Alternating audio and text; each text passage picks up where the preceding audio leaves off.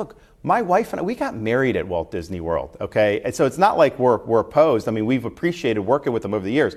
But I would just say, go back to what, what you did well. I think it's going to be the, the right business decision and all that. But where we are today, um, you know, we've, we've basically moved on. They're suing the state of Florida. They're going to lose that lawsuit. So what I would say is drop the lawsuit.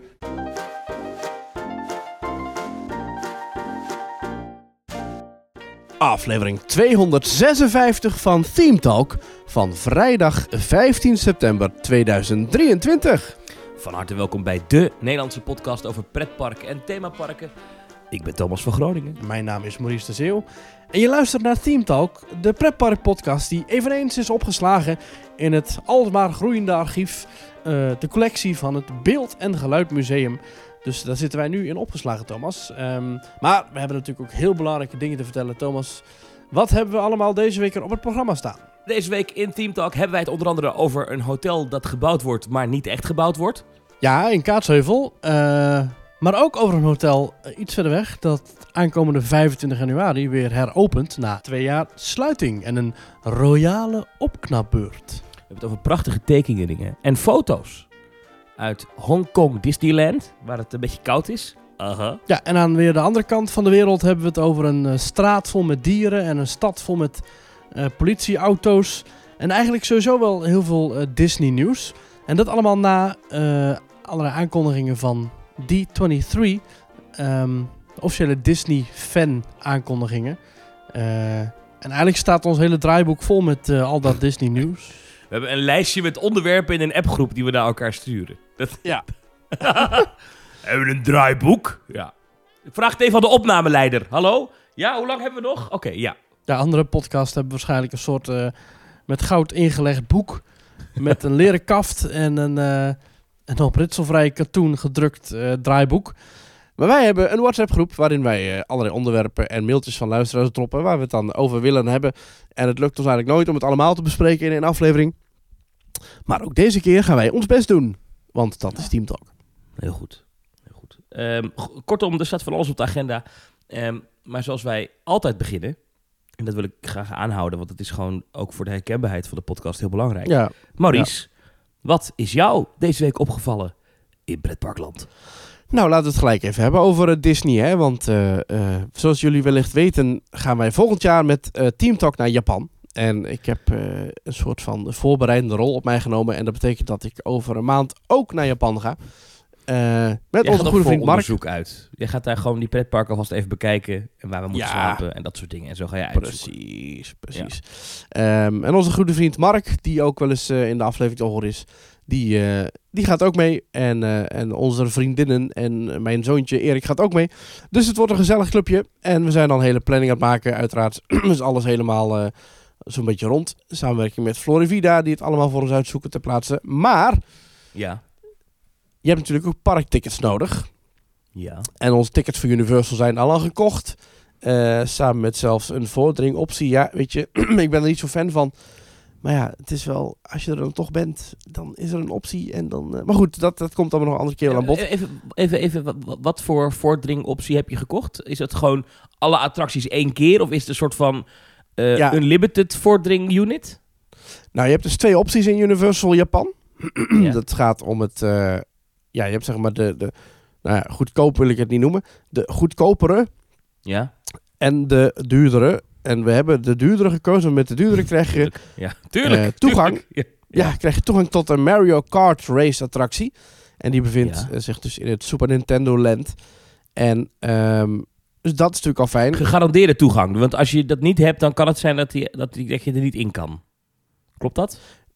Precies. En wat we nu dus hebben, Belachelijk eigenlijk. Maar goed. ja, we hebben de, de duurdere upsell. Ja. Eh, en dat betekent dat we beide Mario rides mogen doen. Eh, we mogen Harry Potter en de Forbidden Journey doen. En het achtbaantje dat daar staat. We mogen Ja. Hollywood Dream doen, dat is die B&M achtbaan. En die mogen we dan achteruit doen, dat is dan een, eh, iets wat iedereen wil doen. En Jaws mogen we doen en Spider-Man. Eh, Oké. En ik ben even zoeken wat het kost. 120 euro. Zo. Zo. Zo. Maar dat betekent Zo. dus wel dat je echt de absolute Zo. highlights van het park... dat je die zonder te wachten kunt doen. Wacht even. 120, of dat, is, dat komt bovenop de entreeprijs. Dat, eh, dat komt er bovenop. En wat is de Dat entreeprijs? Weet je dat toevallig nog? Eh, weet ik toevallig niet. Maar, eh Maar dit- dit- dat dit- zal niet 100 euro zijn. Ik heb lang gedacht dat, dat de parken in Japan goedkoper waren dan die in Amerika of in Europa. Maar dat is dus niet zo. Het is ongeveer dit soort ticketprijzen voor Universal, Disney zie je in Europa en Amerika ook. Ja, weet je, alles is zo gestegen en mensen Ja. betalen het. Dus ja, ze kunnen het vragen. Dus dat is eigenlijk... eh, Maar goed, dus dit heb jij gekocht en nu mag jij dus voortdringen daar Ja. bij alle attracties en je mag in die speciale units. En eh, dat betekent dus dat ik, dus, omdat ik gegarandeerd toegang heb tot die attracties, mag ik bijvoorbeeld ook gegarandeerd het themagebied van Nintendo in. Want dat wil niet zomaar zeggen dat als je het park bezoekt, dat je ook zomaar het, eh, het gebied van Super Nintendo Land binnen mag. Maar dat mag nu dus wel. Dat vind ik toch ook wel bizar hoor. Dat je dus een pretpark hebt waar je een kaartje voor koopt. Ja. En dat de grote pu- publiekstrekker dat een park daarvan kan, gewoon van kan zeggen: ja, ja, ja, kijk, eh, het wordt heel druk. Dus ja, wij kunnen niet garanderen dat u dat parkdeel in kan. Wilt u dat wel, dan kunt u een duurder kaartje kopen. Hè? Ja. Maar ja, Mooi hè, dat dat gewoon bestaat. Ik vind het toch niet helemaal eerlijk, maar oké. Ga door, geweldig, je gaat erheen. Maar dit was niet waarom jij dit verhaal begon volgens nee, mij. precies. Ik heb het eh, verhaal namelijk omdat ik de Disney tickets ook nog wilde kopen. Er zijn twee parken, Tokyo Disney Sea en Tokyo Disneyland. Moet ik eigenlijk andersom zeggen, want Disneyland was de eerste. Maar goed. En een ticket voor één dag, dat gaat al vanaf 8400 yen. En dat komt neer op 53,11 euro. Dus dat valt best wel mee voor eh, de... Dat valt heel erg mee. Ja, Precies. dan kan je niet voor naar de Euro Disney. Absoluut voor de... eh, wat zeg je nou? Euro Disney? Daar kan je niet voor. Ja, je weet wat ik bedoel. Daar kan je niet voor naar Disneyland Parijs. Maar precies. ik vind het leuk om gewoon af en toe nog Euro Disney te zeggen. Ja. Maar inderdaad. ehm, maar die tickets die zijn dus heel kort van tevoren beschikbaar. Ik wist dat ze een beetje voorzichtig waren met de tickets van Disney. Maar ik kan, als ik nu, eh, en we nemen het op op 14 september. En als ik nu zou willen eh, kopen, even kijken hoor, by date. Dan kan ik dat maar kopen tot met 14 november. Dus ik kan niet nu al voor, ik zeg maar wat, voor de kerstperiode tickets kopen. Ik kan er wel zien hoe duur ze zijn. Maar je kunt dus niet nu al die tickets kopen. En, wat dan nog vreemder is... Heel veel ticketsoorten zijn nog steeds uitgesloten. Dus die kun je nog steeds niet kopen. Dus eh, tickets die nog steeds niet verkrijgbaar zijn... zijn onder andere abonnementen. Dus Ja. dat is al vervelend. Je kunt nog steeds geen twee dagen, drie dagen of vier dagen pas kopen. Dat is ook eh, onhandig. Er zijn nog geen eh bejaarden Waarom zouden ze Kortingen. dat nou niet willen? Dat snap ik ja, niet. ik snap dat niet. Eh, er zijn nog steeds geen senioren, moet ik zeggen. Ik zei bejaarden, maar het is natuurlijk senioren. Senioren, kortingstickets zijn nog niet verkrijgbaar. Het zijn allemaal van die, Ja. van die rare eh, dingen. Waarom zijn die nog niet verkrijgbaar? Ik snap dat niet. Ik vond dat opvallend en derhalve noem ik het. Ja, kijk, abonnementen kan ook nog inkomen. Dat, je niet, dat, dat ze dat na corona nog niet teruggebracht hebben, vind ik ook zonde. Maar daar kan ik ergens nog inkomen. Maar dat ze meerdaagse tickets, zou je toch denken, dat wil je toch juist verkopen? Ja, Hm? maar zelfs dingen als een fixed eh, time and date passport, dat is dan vanaf 12, 12 uur 's middags bijvoorbeeld, zijn ook nog niet te verkrijgen. Eh giftcards, eh gift passports, een, een ticket heet een paspoort, zijn ook niet te verkrijgen. Ja. Hoe? Waarom? Maar goed, dat Ja. antwoord ga je niet krijgen. Maar dat vond ik wel opvallend dat het dus nog steeds, want ik, misschien dat het met corona te maken heeft, hè, met de onzekerheid van eh, hoeveel mensen mogen er binnen, met het inplannen van personeel wellicht nog wel. Maar goed, corona is toch al eventjes een paar jaartjes achter ons. De parken zijn er weer drie jaar heropend en toch nog steeds kun je niet terug naar het oude ticketsysteem. Eh, ja, dat vind ik eh, opvallend. Maar het scheelt dan weer wel. Je kunt natuurlijk al ver van tevoren je, je periodes kiezen waarin je ehm, naar Japan wil gaan. En je kunt er eigenlijk ook wel van uitgaan, want ze zijn namelijk voor iedereen, behalve hotelgasten, maar voor alle andere reguliere mensen zijn ze alleen, eh, alleen maar te krijgen eh, twee maanden vooraf. Dus als je gewoon de dag zelf, eh, wanneer het kan, klaar zit, dan kun je ook gewoon je ticket kopen. Eh, overigens zijn er ook nog geen hoppertickets te verkrijgen, dus je moet ook nu al weten eh, welk park je op welke dag wil bezoeken. Dus, ja, bijzonder. Maar ja, kennelijk Hm. kunnen ze het maken. Wat is jou, Thomas, opgevallen in Pretparkland deze week? Er is een, ehm, een schikking getroffen tussen Disney en eh, boze abonnementhouders. Oh. Eh, in Amerika vond ik, vind ik een interessant verhaal. Ja. Het gaat om het Disneyland Resort, dus dat is in eh, Californië. En, het, het, het oude Disneyland, zullen maar zeggen. Original. Daar kan je abonnementen krijgen. En een van die abonnementen heette The Magic Key. Of nee, alle abonnementen heten The Magic Key. Ja. En ze hebben nu een schikking getroffen. 9,5 miljoen dollar wordt er nu uitgekeerd aan de mensen die geklaagd hebben en hun advocaten. Eh, en dat betekent dat je als je een Dream Key had, dat was een van die abonnementvormen, Ja. dan krijg je 67 dollar terug. Eh, want eh, er waren 103.000 mensen om, om en nabij die zo'n abonnement hadden. Als de Dream Key. Nou, wat is nou het verhaal? Er was dus een abonnementhouder die zo'n Dream Key had. Die heeft die rechtszaak bij de rechtbank ingediend. Want zij zeggen, ja, Disney heeft onterecht eigenlijk gepromoot dat de Dream Key geen blockout dagen heeft. Waarin je dus niet naar Disneyland en Disney California Adventure kan. Ehm, Ja. Maar ehm, dat zei Disney dan wel steeds van, eh, er zijn geen blockout dagen, je kan dus altijd komen met dit abonnement. Alleen in de praktijk zei Disney ook steeds, ja, je hebt een reservering nodig om met je Magic Key, dus ook je Dream Key, met je abonnement het park in te kunnen. Ja. En Disney heeft ook steeds gezegd: er zit een limiet aan het aantal reserveringen dat gemaakt kunnen worden en dat je zelf kan maken. Ehm, en nu heeft dus eh, eh, iemand bij, ging naar de rechter die zei: ja, dit is niet eerlijk, want eh, als je aan de ene kant zegt er zitten geen block-out dates in, oftewel je kan altijd komen, maar je zegt ook je moet reserveren en het kan betekenen dat er reserveringen op zijn. Dat is niet eerlijk. Dat Ja. klopt dus niet. Dan heb ik dus niet betaald voor eh, dat je altijd kan komen, want ik kan dus niet altijd komen. Ja. Nou, deze zaak ging bijna naar de daadwerkelijke rechtbank, als in dat een jury moest gaan beoordelen. Wat betekent nou no blockout dates? He- heeft deze klager nou gelijk en of heeft Disney gelijk? Maar Disney wil dat voor zijn en dus hebben ze nu een schikking getroffen met elkaar. Zagen Dat erbij betekent dat hangen. ja, de advocaten van de boze abonnementhouders en de advocaten van Disney met elkaar Ja. in een zaaltje zijn gaan zitten. Daar elkaar de hersens in geslagen hebben.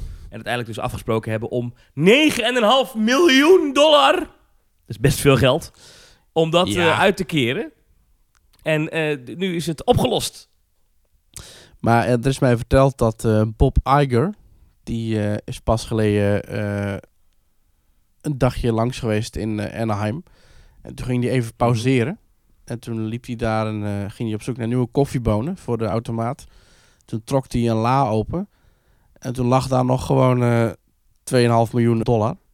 En toen ging hij wat verder kijken en dat hele kastje zat nog ramvol met geld. Want eh, Ja, ik- het is natuurlijk niks. wissel, je dit is kijkt, wisselgeld ongeveer- voor Disney volgens mij.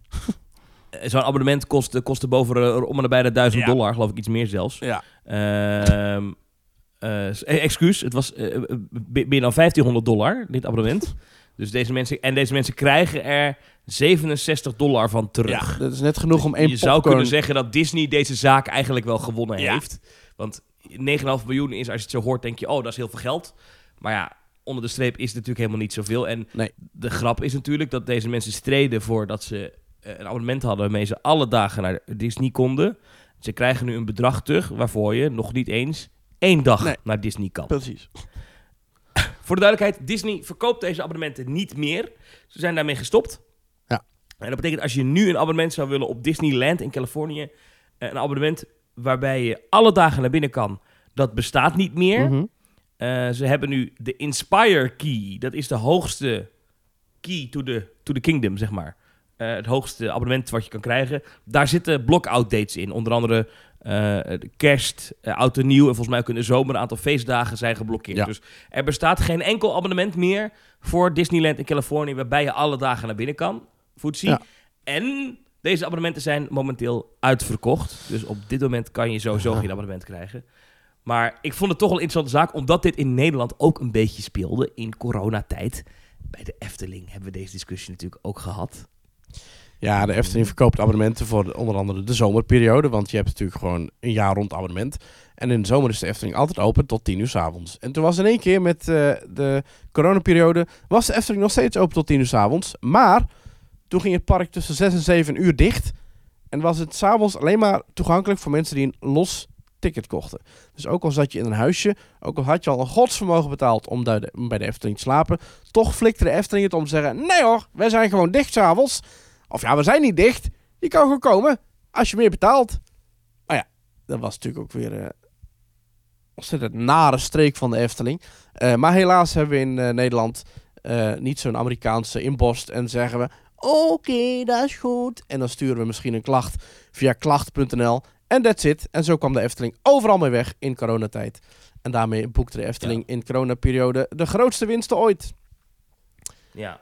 Ja. Eh, volgens mij is, voor zover ik weet, is er niemand naar de rechter gegaan in Nee. Nederland. Eh, om, om, eh, er was ook wel gedoe dat abonnementhouders lange tijd moesten reserveren. Dat is er nu vanaf. Ja. Een abonnementhouder hoeft niet te reserveren als hij nu naar de Efteling gaat. Gek genoeg, een reguliere bezoeker wel. Alleen ik heb het idee dat dat totaal niet meer gecontroleerd wordt. Nee. Maar formeel is het zo dat als jij gewoon een los kaartje koopt voor de Efteling, wat niet op datum staat, dat je nog steeds een reservering zou moeten hebben.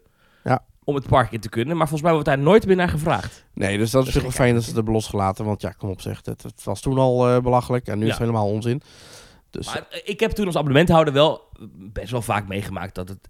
In het begin, in het begin hoor. Daarna begreep ik het niet meer. Maar in het begin dat je wilde gaan en dat het niet kon. Omdat het park vol was voor abonnementhouders. Maar dat mensen met een los kaartje nog Ja, wel een reservering daar was nog wel een plek voor. Dus je kon niet in een Python gaan zitten met een abonnement, want die Python was toen vol. Maar als je een los kaartje kocht, dan was de Python nog wel voor jou beschikbaar. Ja, en dat is natuurlijk net zo eh, ziek. Of ziek is het verkeerde woord, maar het is natuurlijk net zo, net zo absurd als wat Disney hier deed. En, en, en in Amerika is het dus eh, een juridische strijd geworden. Ja. Die ja, geschikt is, maar eigenlijk Disney gewonnen heeft. Ja. Dus nou ja, als zelfs in Amerika zo'n bedrijf ermee wegkomt, nou dan had, kan de Efteling in Nederland er misschien ook wel bij weg, denk je niet? Nou goed, nou, de Efteling waarschijnlijk een minder goed verhaal dan Disney. Ja. Overigens regent het juridische strijden in Amerika tussen pretparken en, en andere mensen en, en dingen. Want nu is de stad San Diego, heb je dit gelezen? Eh, nee. Eh, nee, nou, wist jij dat SeaWorld, die hebben een hele grote vestiging in San Diego. Een vestiging. ja, ja een, een vestiging hebben ze daar in, in San Diego. Nou, wat ze daar hebben, en dat, dat is best interessant. ehm, de grond onder het grote SeaWorld pretpark in San Diego, daar hebben ze ook alle achtbanen, hè? is best een groot pretpark. Ja, ja. Ehm, is niet van SeaWorld zelf, maar is van de stad San Diego. Oh. Dat is niet heel ongewoon, dat komt al vaker voor. Eh, goed voorbeeld, in Nederland, eh, Walibi Holland. Ja. De grond onder dat pretpark is niet van Walibi, is ook niet van Compagnie des Alpes of zo, Oh. maar is van de staat der Nederlanden. oh. En die eh, verpacht dat aan Walibi. Eh, daar hebben ze een contract dat heel lang dan dat zij daar mogen zitten, anders mag je er ook niet iets bouwen. Maar, eh, en dat betaalt Walibi ieder jaar pacht voor, of Ja. ehm, huur zou je het kunnen noemen. Ja. Nou, dat is dus bij SeaWorld ook zo, maar dat wordt nu een juridische strijd. Althans, ze gaan naar de rechter, want de stad San Diego heeft al een tijdje geen huur meer ontvangen van SeaWorld. En ze lopen nu 12 miljoen dollar achter. Oké. Waarom dan? Ja. Hè? Hoezo? Eh, nou, de afspraak die ze hebben is best ook weer interessant. eh, is eh, dat SeaWorld betaalt een percentage van het geld dat binnenkomt aan de stad. Dus eigenlijk Ja. hebben ze die grond in theorie gratis. Ja.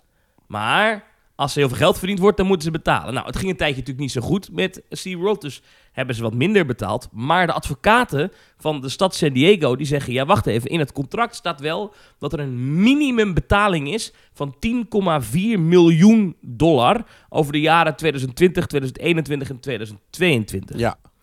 En eh, dat is niet betaald. Nou, daar komt nog wat, wat, wat bij. Eh, dus in totaal ehm, eh, komen ze nu uit op een bedrag van 12,2 miljoen dollar... wat nog even betaald moet worden. Ja. En SeaWorld vindt dat ze dat niet hoeven te betalen... omdat ze in die tijd ook dicht zijn geweest vanwege corona. Zit ook wel wat Eh, in. nou, dat wordt een Oh. ruzietje. Ik ben benieuwd hoe dat afloopt. Ja. En dan hebben we natuurlijk Ja. nog de hele rel, de hele soap rondom meneer DeSantis, gouverneur van Florida, die in de clinch lag met Disney, maar waarvan we toen nu de, de DeSantis zei, oh, nou, nou, misschien eh, moeten we maar stoppen met, eh, met onze strijd. Maar dat, toen zei Disney, nee hoor, ga gewoon door. Het is ongelooflijk. En, en ehm, nu is natuurlijk, zijn de Amerikaanse voorverkiezingen bezig. Ja. En die DeSantis probeert nog steeds de, de kandidaat te worden voor de Republikeinen om president te worden. Maar Donald Trump probeert dat ook. En nu valt Donald Trump hem aan, die decent is, omdat hij ruzie had gemaakt met Mickey Mouse. en zo. Dus die hebben nu ruzie met... nou, Het is... Het is, het is never a dull moment in America, Geweldig. zullen maar zeggen. Ja.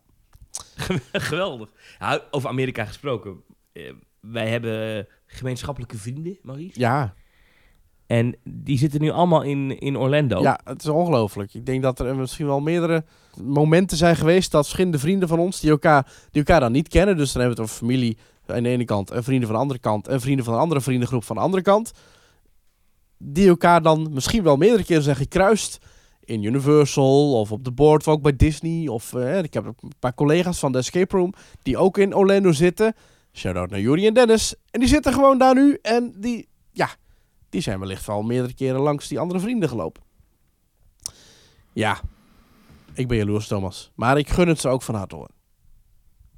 Ja, eh, ja, ik gun het ook iedereen van harte. En het is, het is, het is, eh, het is jaloersmakend. Het is jaloersmakend. Ik zou er ook heel graag willen zijn. Maar het is net heel grappig Ja. om te zien dat alle mensen waarvan ik weet dat ze elkaar niet kennen. Maar die ik wel allebei ken, dat die dan nu allebei tegelijk daar zijn. Ja, die een heel leuke groep, een ik- heel leuke selfie kunnen maken nu. Maar ja, dat is, ja. Maar wat een raar toeval dat iedereen nu ineens daar is. is dat, dat is toeval, denk ik, hè? Ja, dat denk ik wel. Ik denk dat veel mensen die we kennen, die hebben ook misschien wel wat te doen met Halloween. Veel mensen die we kennen hebben in de zomer drukte gehad. En die zitten nu dus tussen zomer en Halloween in. En die willen Ja. het dan toch zien, ja. Ja, Ja. snap ik wel. Ja, ik zie jaloersmakend. Ik zie heel veel mensen in Tron. eh, De nieuwe achtbaan natuurlijk in Magic Kingdom. Ja. Die ziet er inderdaad jaloersmakend uit. Jij bent er al in geweest in Shanghai, maar nog nooit in Orlando. Ja. Nee, dat klopt. Ik, wil, ik wil hem nog wel een keer doen. Die toch wat korte achtbaan, maar ik wil hem toch echt wel heel graag een keer in. Ja, En allemaal jaloersmakende beelden van de Halloween parties. Zowel Ja, bij ja, Disney als bij Universal. echt gewoon een heel, zeg maar, een, een king-size bed. Van hoek tot hoek, bezaaid met snoep. Ja, dat is toch top. Op zich kan je dat in Nederland ook krijgen. hè. Als jij gewoon naar de, de, schep, de schepsnoep Ja, af- afdeling Maar dan van... moet ik bij de eh, Jamin gaan lopen scheppen. Ik wil bij Mickey's en That's a Scary Halloween Party... wil ik dat, dat een of andere medewerker een grote eh, schep pakt... en die leegstort in mijn rugzakje. Zodat ik gewoon ja. 6 kilo snoep heb aan het einde van de dag. In elke zak. Heeft de Efteling nog die, eh, die schepsnoep? Ja, wel toch? Bij, eh, hoe heet dat daar? Eh, bij de zoete inval, jazeker. Zoete inval. zeker, zeker, ja. zeker. Sterker nog, Lekker winkeltje is dat hoor. ja, dat hele Antiekplein is natuurlijk op de schop gegaan. Hè? Dus ze hebben de, inter- de, de, de indeling hebben ze een beetje vernieuwd. Het is om de hoek bij die poppenkastshow... die ik nog steeds niet heb gezien. Draait die nog? Denk ik wel. Ja, denk het wel. Ga nou kijken. Ja. Maar- Ga nou kijken of dat zo is. Gelijk checken. Gelijk vet checken.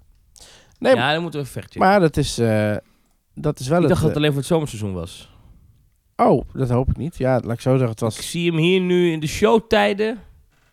Ja hoor, eh, het is nu, eh, als we dat opnemen, hier heb je niks aan als je het luistert, maar het is nu tien voor één. Zometeen om kwart over één, Anton Pieckplein Poppenkast Theater Parkshow. Om kwart voor twee nog een keer. Kijk. Om half drie nog een keer. Om half vier nog een keer. Om vier uur nog een keer. Om kwart voor vijf nog een keer. Zo. Doe maar. Volle bak. Het park is open vandaag tot zes. Ja. Nou, goeie zaak. Het is niet druk.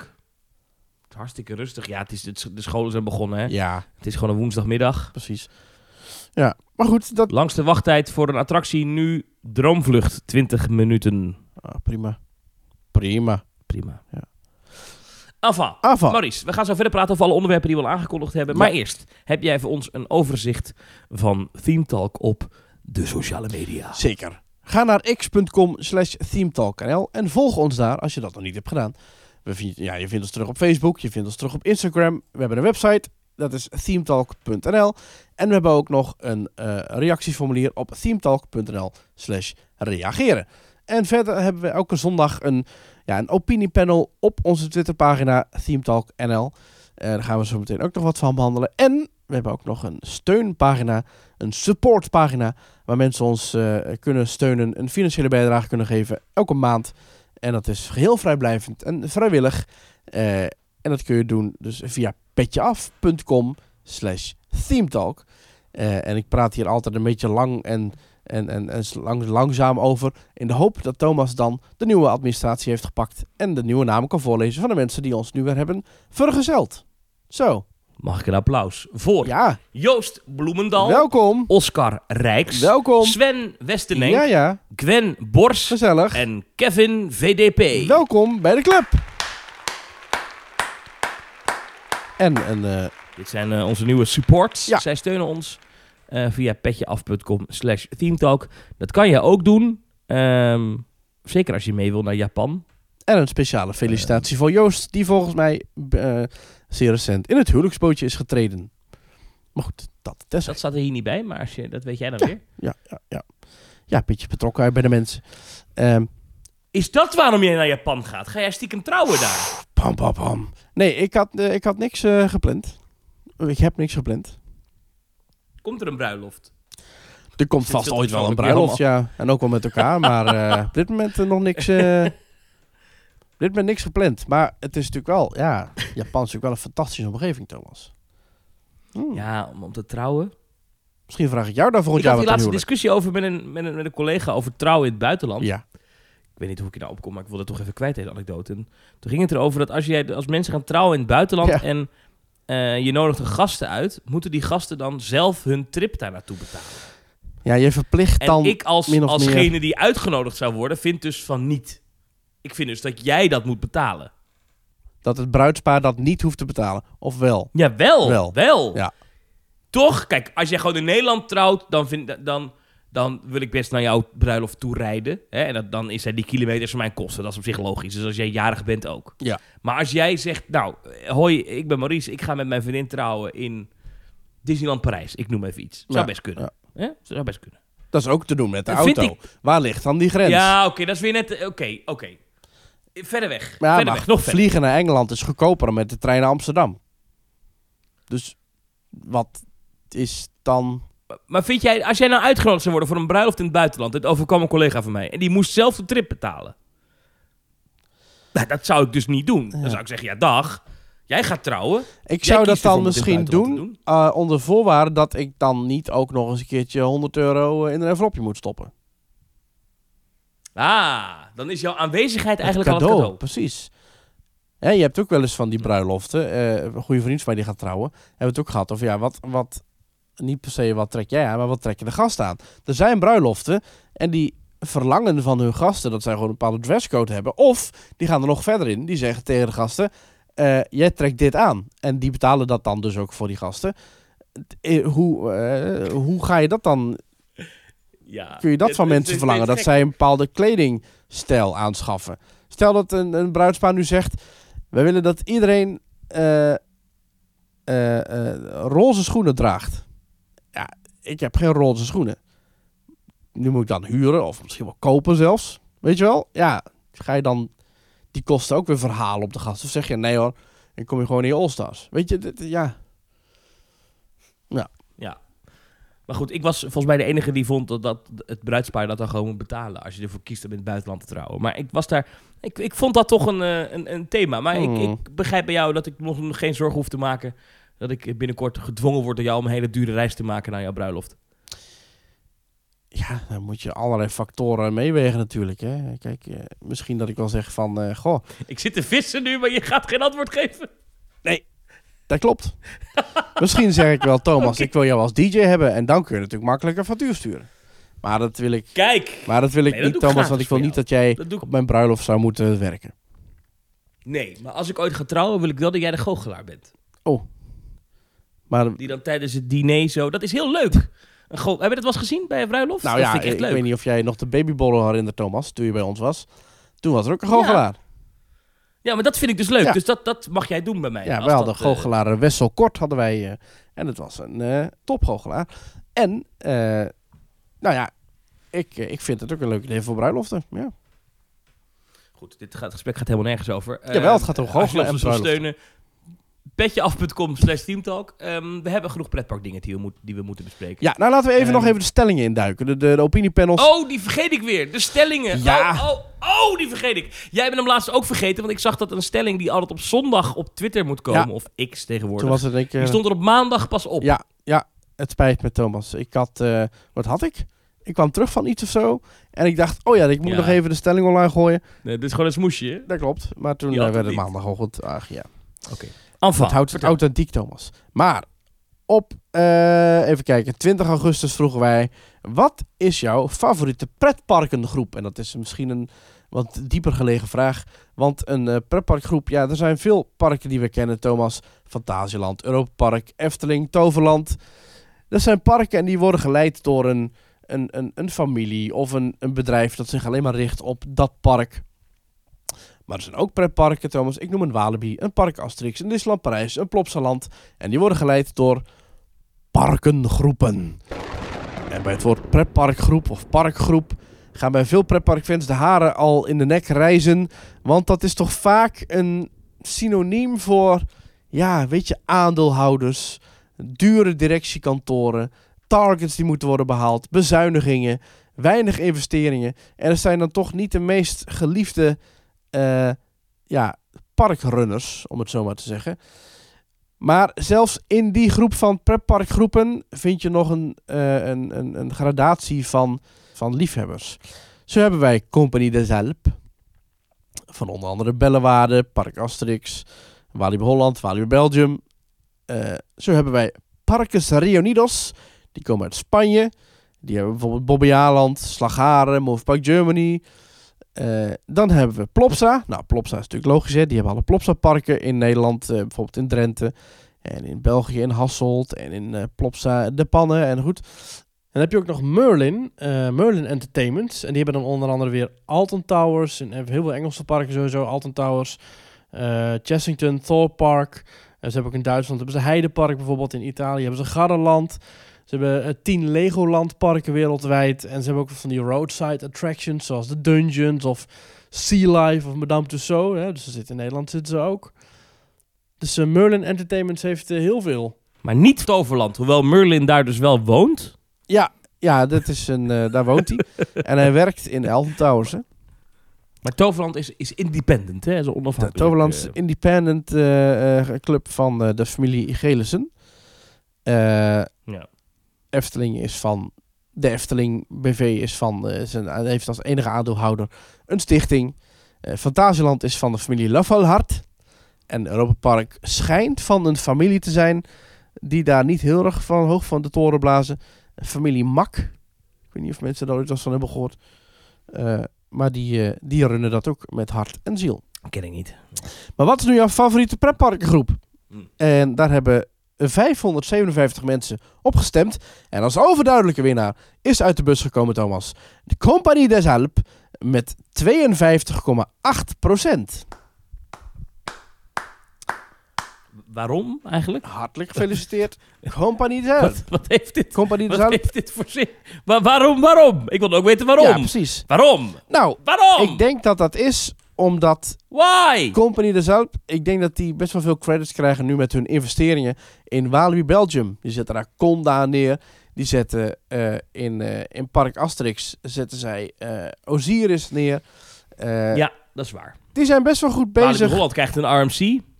Ja, dus ze zijn best wel goed bezig met hun, met hun, ja, met hun, met hun beslissingen. En eh, nou, ik denk dat bij Ja, Company oké. Zuip, ik denk dat daar het meeste liefde is terug te kennen in de manier van parken. En ik ga erin mee, Thomas. En voor mij is ook Company de Zuip, eh, ja, weet je, Walibi Holland, we hebben er genoeg over te, te zeuren. Maar ehm, als je ziet in wat voor andere parken ze wel investeren en wat voor dingen ze doen. Ik denk dat vooral op lokaal niveau in Walibi Holland niet per se de goede beslissingen worden gemaakt. Kennelijk levert het onder de streep nog steeds gewoon genoeg geld op. Dus zijn ze blij op het hoofdkantoor in eh, Parijs. Eh, maar nee, ik heb dan veel liever parken als Walibi Belgium. eh, waar ze leuke overdekte familie-thema-attracties neerzetten. Zoals Popcorn Revenge. Hè, of eh, tropische achtbanen als Tiki Waka. Of fantastische mega-achtbanen als, als, als Conda. Ja, dat vind ik gewoon echt leuk. En dan een beetje Bellewaarde vind ik een heerlijk park. Park Asterix, gewoon echt top. Ehm, dat krijgen we ook terug in de reacties. Vincent Joosten zegt... Deze vakantie zijn we in Park Asterix geweest. Echt een heel mooi park. Walibi ziet er misschien niet mooi uit, maar wat een achtbanen. Ik heb echter ook wel een zwak voor Slagharen, zegt hij. Dat is dan weer van eh Parkes Reunidos. Ehm Ewout zegt Merlin is overpriced. Plopsa hangt aan elkaar met sponsors. En Parkes Reunidos is Parkes Ruines.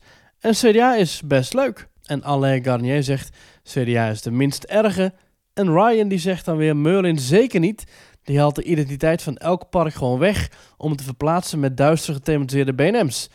Parkers Renidos heeft veel parken met veel potentie. Helaas gebruiken ze het meestal gewoon niet. En de operations zijn gewoon ruk. Plopsa is gewoon te duur. Dus dan maakt Company de zelf. Al heeft Parkers Renidos wel Moviepark en Slagaren. Twee parken die ik echt geweldig vind voor wat ze zijn. Oké, nou. Nou, ondanks Ryan's eh, lieve woorden is Parkers Renidos wel de minst geliefde parkengroep eh, van onze stemmers. Met 12,7 procent van eh, Bobby Aland en Moviepark Germany en eh Slagaren. Die bezuinigen heb ik idee altijd op alles. Dat, eh, is een gevoel, weet ik niet of ik het helemaal hard kan maken. hoor, Maar ik heb het idee dat bij die parken altijd alles net een tandje goedkoper moet. Ja, precies. Ja, nou, ja, wat ik bedoel? ja, je kunt natuurlijk bezuinigen. Ehm, maar je kunt daarnaast ook nog iets anders doen. Zoals mijn minst favoriete parkengroep. Plopsa. Die maken gewoon alles duurder. Die, eh, ja, ja, precies. En die parken zitten volgepropt met allemaal commerciële samenwerkingen en sponsordeals en verkopers die af komen rennen in de, We hebben een mail gekregen dat we niet meer zo negatief En, eh, mochten bouwhekken. zijn. Ja, bouwhekken met logo's. eh, eh, de website zit vol met advertenties, Maurice, reclames. stop! Overal die drang naar... Ja, heb je die mail ook gezien trouwens? Iemand die had ons gemaild, eh naar aanleiding van de aflevering van vorige week. Ja, Een opbouwende kritiek. Die vond dat wij de laatste tijd wat negatief waren. Alsof we het nog wel leuk vonden. Of eigenlijk vooral of ik het nog wel leuk vond. Maar ja, vind je nog wel leuk, Thomas? ik vind het nog wel leuk, ja. ja, ik ook. Ik vind het heel leuk. Ja. Mag graag naar pretparken en Ja. over pretparken praten. Maar, eh, dus, dus ik- we moeten eh, positief blijven. Precies. Positief. Nou, Had je nog een stelling? positief. Een. Merlin Entertainment. Ja, laten we het positief houden. Oké, nou. ehm, ja, we hebben nog, nog meer stellingen, Thomas. Vertel. Dit is ook absoluut geen beladen onderwerp. Op 27 augustus vroegen we eh, dat aan de hand van een eh, nieuwe enquête die de Efteling rond heeft gestuurd naar abonnementhouders. Van, goh, wat zou jij be- betalen voor bepaalde abonnementsvormen als je elke dag naar binnen zou Ja. kunnen en wat als je minder dagen naar binnen krijgen we dit weer. Ja. Abonnementsprijzen. Meer dan 400 euro voor 365 dagen Efteling is veel te duur. Nou, daar hebben 679 mensen op gestemd. 59,6% zegt ja, dat is te duur. En 40,4% zegt nee, dat mag best. Eh, ja, wat vind jij, Thomas? Of ik 400 400 euro. euro te duur vind. Dat vind ik niet te duur. 400 euro vind ik nog voor een jaar. Het moet niet veel meer worden dan Efteling, hè? 400 euro. Maar ja. Ja. Efteling is een goed park, hè? Efteling is topkwaliteit. En dat Veel attracties. Ja. En het is iedere dag open. En je mag iedere dag naar binnen. Ja. Ehm, ik zou dan het korting op, de korting op eten en drinken mag dan wel iets omhoog, denk ik. Ja, voor mij ook. Ja. Nou, misschien wel ehm, 10%. Ja, misschien nog iets meer privileges erbij. eh, Ook naar andere parken of zo. Maar dan denk ik dat je... Want ze zitten nu op... Ik ben het even kwijt hoor. Eh 199 toch? 205 of zo? 205. Oké, om een- oké, dat is wel in één klap een verdubbeling. Vind ik wat veel. Ja. Maar ik denk, ik denk wel dat ik het zou doen. Ik denk als het, als het no- nog meer dan 400 zou ik te veel vinden. Ja. Nou goed, je had het net over Disneyland, dat meer dan 1500 euro vraagt om elke dag naar binnen te gaan. Anaheim weliswaar. Maar we hebben ook gezien dat in Disneyland Parijs dat je 700 euro betaalt voor een jaar lang toegang. Goh, ja, is de, is de Efteling dan te duur met 300? Of eh, met 400? Maar ze kunnen wel, dat- dat, meen ik wel serieus, als ze dit doen, en dan hebben ze mijn zegen, Ja. maar dan moet je ook de reguliere toegangsprijs verhogen. Maar het kan niet, ik vind niet, dat zou ik gewoon oneerlijk vinden. De abonnementhouders zijn ook een beetje de ambassadeurs, dat zegt de Efteling zelf ook vaak. Ja. Hè, onze trouwste fans zijn onze, ook onze beste ambassadeurs. Nou, dat is hartstikke mooi. Ja. Maar ik vind niet dat je alleen de abonnementsprijzen kan verhogen, terwijl je dus wel eh, dat ticket voor, eh, wat is het, eh met 12,50 korting bij de Albert Heijn kan krijgen Ja. voor de huidige prijs. Dat, dat moet dan ook met een tientje omhoog, als je begrijpt wat ik bedoel. Want anders vind ik het wel oneerlijk. Oh, ik zie nu dat een, ja, een jaarabonnement kost nu 215 euro. 215, oké. Ja. Ja. Dus, dus eh, ik, ik, ik, die verhoging ga ik helemaal in mee. Alle liefde, alle zegen van de wereld. Maar dan moeten de normale tickets ook omhoog. Dat vind ik dan wel. Ja. Ja, en toch denk ik dat het ook wel een keer gaat dat- gebeuren. dat- want dan zouden ze het moeten verdubbelen, de huidige entreeprijs. Dat doen ze niet. Nee. Maar misschien 10, 20 procent erbij, daar kan, ik, eh, daar kan ik best mee leven. Veel mensen zullen zeggen, waarom moeten ze dat verdubbelen dan? Nou, laten we jullie even een lesje geven in pretparkkunde. Eh pretparken hebben natuurlijk vroeger was het zo, je gaat één dag in het jaar misschien naar een pretpark en dan ga je naar de Efteling. That's it. Of je gaat naar Duinrel als je daar woont. Of naar Hellendoorn of whatever. Nou, allemaal hartstikke leuke parken. Maar de Efteling heeft gewoon een bepaalde kwaliteitsstandaard die ook wereldwijd wordt erkend. Uh, attracties als Fata Morgana, Droomvlucht, Symbolica. Symbolica. Die zijn uniek en die zijn echt te meten met wereldniveau. En attracties als Mystic Manor, die je bij Disney vindt, die wereldwijd wordt gelauwerd. Ja, we hebben daar gewoon een eigen versie van hè, in Kaatsheuvel staan. Een attractie als uh, Baron 1898, die van voor tot achter is gethematiseerd met voorshows, met, uh, met eigen muziek, met een compleet landschap eromheen. Dat, zijn, dat is detailniveau, dat is afwerking. Dat vind je niet zomaar terug. En ja, de standaard in de parken van Europa is de afgelopen jaren overal aan het stijgen. Dat moet gezegd worden, maar de Efteling zet nog steeds dingen neer en heeft vooral heel veel dingen staan die echt voor, ook voor Amerikanen een bepaald kwaliteitsniveau aantikken. Dat is nou, niet ongezien, maar dat is wel uh, beperkt beschikbaar wereldwijd. En als je dan gaat zien, uh, als andere topparken in Europa, bijvoorbeeld een uh, Europa Park, een Fantasieland, toch ook wel een Disneyland Parijs. de prijzen die zij vragen, dat is niet alleen maar Nederlands niveau waar ze mee moeten concurreren. Die, die, die pretparken, of die, die, die dingen van de Efteling. Dat aanbod van de Efteling, dat is gewoon internationaal niveau. En dat zijn parken die 75 euro per dag vragen. Dat zijn parken die 600, 700 euro per jaar vragen aan toegang. En met dat kwaliteitsniveau mag de Efteling best wel wat hoger gaan zitten. En dat is niet om mensen tegen te houden, absoluut niet. Nee, nee. Maar, want uh, luister, wij maken een pretpark podcast omdat we een pretpark houden. En iedereen vindt ik dat ik, ik, vind, ik hoop dat iedereen ooit een keer de Efteling bezoekt. Maar dat mag wel tegen een eerlijke prijs. En de Efteling houdt nu de prijzen zo laag. Omdat er bijvoorbeeld ook geen aandeelhouders zijn. Zoals een Disney die wel heeft of een Plopsa. Maar dat, dat Toverland en Walibi en, en andere pretparken in de buurt daar gewoon last van hebben. Ja. Want die kunnen, de prijs, die kunnen niet duurder dan de Efteling zijn. Dat is voor ons als fan is dat natuurlijk jammer. Uh, voor de Efteling is het Want daardoor kunnen ze ook... Ik denk dat Toverland anders veel sneller had kunnen groeien, misschien. Nou, ik denk dat, dat je op een gegeven moment ook gaat krijgen dat parken zeggen... Weet je wat, het is allemaal wel die Efteling met zijn tientjeswerk. Wij gaan ons spiegelen aan andere parken in het buitenland. Waar mensen ook naartoe gaan. En dan gaat Toverland er misschien wel zeggen... Weet je wat, bam, we gaan net zo duur zijn als de Efteling. Want op de schaal van pretparken is dit het gemiddelde.